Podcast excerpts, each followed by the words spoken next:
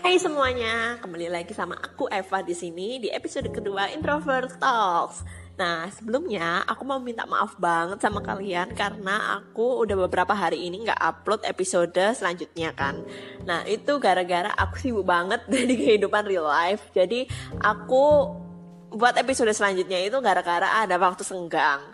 Dan oleh karena itu, sebagai permintaan maafku, aku mau ngupload episode ini dan dengan tema enak gak sih jadi anak tunggal? Apa sih suka dukanya jadi anak tunggal? Nah, kita bahas aja ya. Jadi, aku adalah anak tunggal. Dan waktu aku kecil, aku itu sering banget ditanyain sama bibiku, sama budeku, sama keluarga aku. Bilang, kamu gak mau tak punya adik?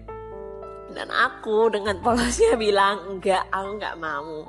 Dan ternyata itu itu kejadian sampai sekarang. Jadi aku nggak punya adik rek. Nah terus dan waktu aku kecil juga aku itu mesti disindir-sindir gitu loh guys sama ibunya temenku. Di mereka itu bilang enak ya jadi anak tunggal nggak usah ngerebut mainan adiknya.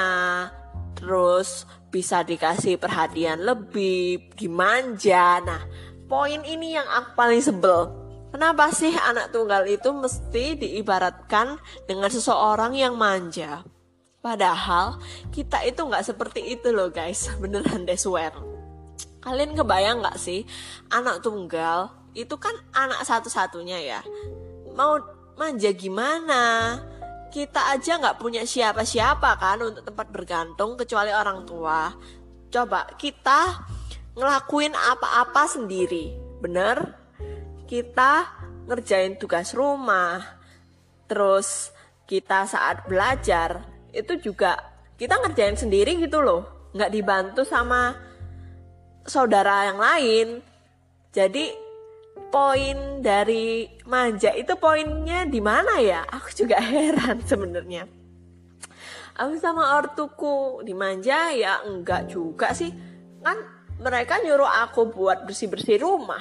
Kalau misalkan mereka manjain aku ya, mereka nggak nyuruh aku buat bersih-bersih rumah dong. Bener? Nah itu sebenarnya kenapa sih persepsi kalian itu selalu mengarah ke manja untuk menggambarkan anak tunggal. Padahal ya nggak seperti itu kenyataannya. Memang enak eh, nggak uh, punya saudara kan dan kita nggak perlu membagi mainan-mainan gitu. Itu pemikiran waktu kecil ya. Tapi waktu sudah besar kita itu jadi mikir nanti kalau aku kesusahan siapa yang bakal bantu aku? Orang tua pasti akan umurnya udah lansia kan waktu kita besar. Nah kita harus tangguh gitu loh kita nggak punya siapa-siapa, saudara nggak punya, ya kan?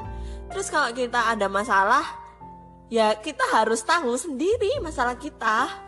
Ya kita harus kuat, kita harus tangguh.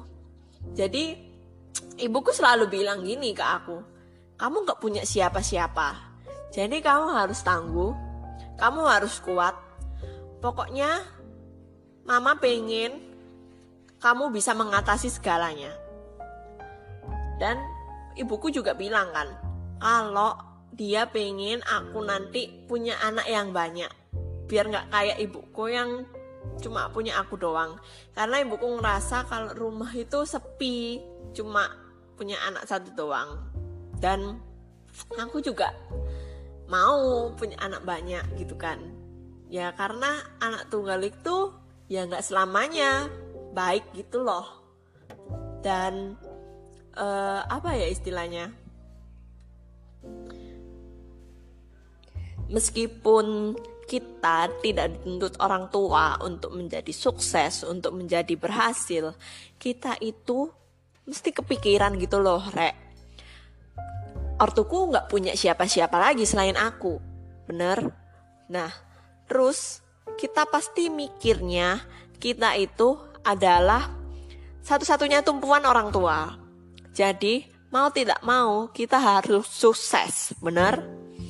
Nah, maka dari itu aku tuh selalu berusaha bagaimanapun caranya biar bisa banggain orang tua aku. Meskipun itu dengan berdarah-darah atau tertatih-tatih, aku tetap berusaha karena aku sadar mereka nggak punya siapa-siapa lagi selain aku. Kalau misalkan aku kenapa-napa, orang tuaku yang ini sakit gitu loh. Paham nggak sih? Ya apa ya istilahnya? Orang tua aku sendiri gitu loh yang bingung. Terus menjadi anak tunggal itu nggak bebas. Apalagi cewek. Aku kan dulu anak organisasi nih di kampus. Dan rumahku ke kampus itu jaraknya jauh 13 kiloan. Nah anak organisasi kan mesti pulang malam kan? Anak aku pulang malam tuh motoran. Dan aku mesti ditunggu. Terus kadang-kadang dikhawatirin gak kadang-kadang sih ya sering sering banget dikhawatirin sama orang tua aku dan aku itu jadi gak enak sendiri gitu loh. Karena apa ya ini kan mediaku buat ngembangin diri. Tapi di sisi lain orang tuaku khawatir sama aku. Dan gara-gara rumahku jauh juga kan. Dan orang tuaku khawatir kalau aku kenapa-napa gitu. Apalagi pulang malam. Jadi ya gimana ya? Aku jadi bingung sendiri gitu loh. Antara ingin mengembangkan bakatku atau menuruti orang tuaku untuk tidak pulang malam. Dan akhirnya sebagai penengah, aku izin ke organisasiku untuk pulang lebih dulu. Meskipun orang-orang organisasiku menganggap, ih kamu nggak setia sama organisasimu, ginilah gitulah. Tapi ya mau gimana lagi, orang itu kan yang diinginkan sama orang tua aku. Terus aku juga ngerasa aku kesepian. Gara-gara aku nggak ada temen cerita. Temen ceritaku cuma temenku. Tapi dalam lingkup keluarga ya, itu nggak ada yang aku share tentang keresahanku, kegalauanku, nggak aku sebenarnya mau ngekip masalah aku sendiri. Tapi siapa sih guys yang kuat ngekip masalahnya sendiri? Kalau misalkan kalian ada di posisi itu berarti kalian bener-bener hebat banget bisa ngekip masalah kalian sendiri. Masalahnya itu gini loh guys. Aku itu kalau misalkan ada masalah atau aku marah, sedih, itu kelihatan banget dari ekspresi wajahku dan pasti ibuku itu tahu kalau aku itu ada masalah. Dan ibuku pasti nyuruh aku cerita. Dan ya gimana aku nggak bisa cerita gitu loh guys. Orang ibuku udah tahu. Jadinya aku cerita. Dan aku, itu orang yang nggak bisa menahan tangis. Jadi kayak kalau misalkan aku udah muangkel banget sama seseorang atau sama suatu masalah, aku pasti nangis dengan secara gak sadar. Padahal aku nggak mau nangis. Dan itu apa ya kadang-kadang yang didapatkan dari aku curhat ke orang tuaku itu nggak sesuai sama harapanku gitu loh. Jadi kayak gak sejalan sama apa yang aku inginkan dari orang tuaku nggak sejalan jadi ya aku juga mikirnya kadang-kadang aku harus nyekip masalahku sendiri dan aku nggak ceritain ke orang tuaku. Jadi paling ngepol itu aku cerita ke temenku. Nah tapi masalahnya mau sampai kapan aku cerita ke temenku?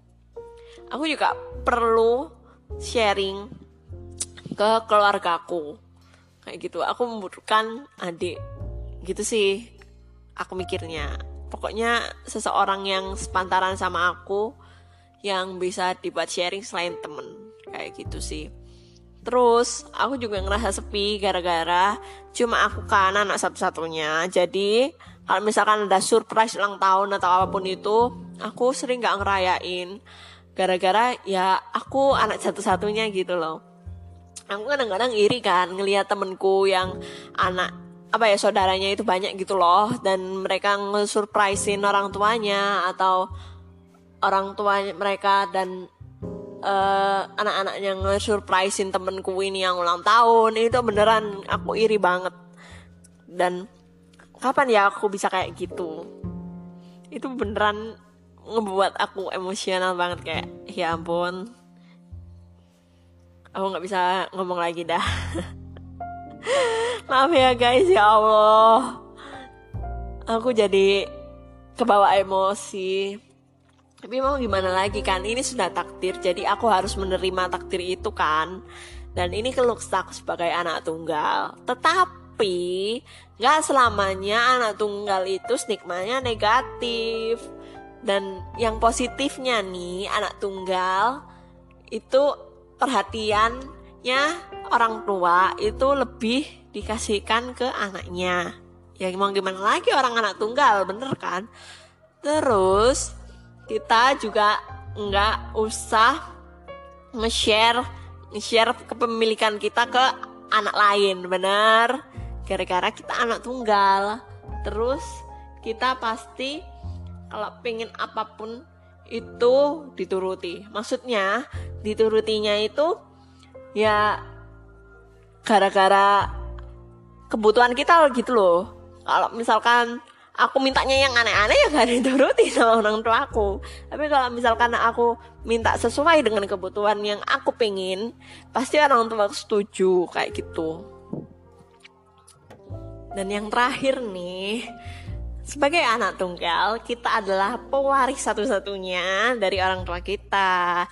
Jadi kita nggak usah mikir-mikir bagaimana cara bagi warisan karena semua warisan yang orang tua punya baik itu harta atau hutang menjadi milik kita seorang. Dan ya itulah suka duka jadi anak tunggal dan entah kalian yang mendengarkan ini relate sebagai anak tunggal atau kalian sebagai anak bungsu, anak tengah, anak sulung yang mendengarkan curhat keresahan anak tunggal, aku mohon ke semua orang yang mendengarkan podcast dalam episode ini, kalian harus bersyukur. Itu yang pertama. Dan yang kedua, kalian jangan ngejudge sebelah sebelah mata terhadap orang yang beda dari kalian gitu loh. Siapa tahu orang yang kalian judge itu kenyataannya tidak sesuai kayak yang kalian judge gitu loh. Paham gak sih? Jadi berusaha untuk menghormati orang lain dan selalu bersyukur dengan apa yang kita punya saat ini. Oke? Okay? Dan ini sudah 13 menit, Re. Aku ngomong tentang anak tunggal suka dukanya dan semoga kalian terhibur dengan curhatanku yang gak jelas ini. Dan akhir kata, terima kasih buat kalian semua yang sudah mendengarkan podcast ini. Jangan lupa di subscribe, di follow. Dan see you next time.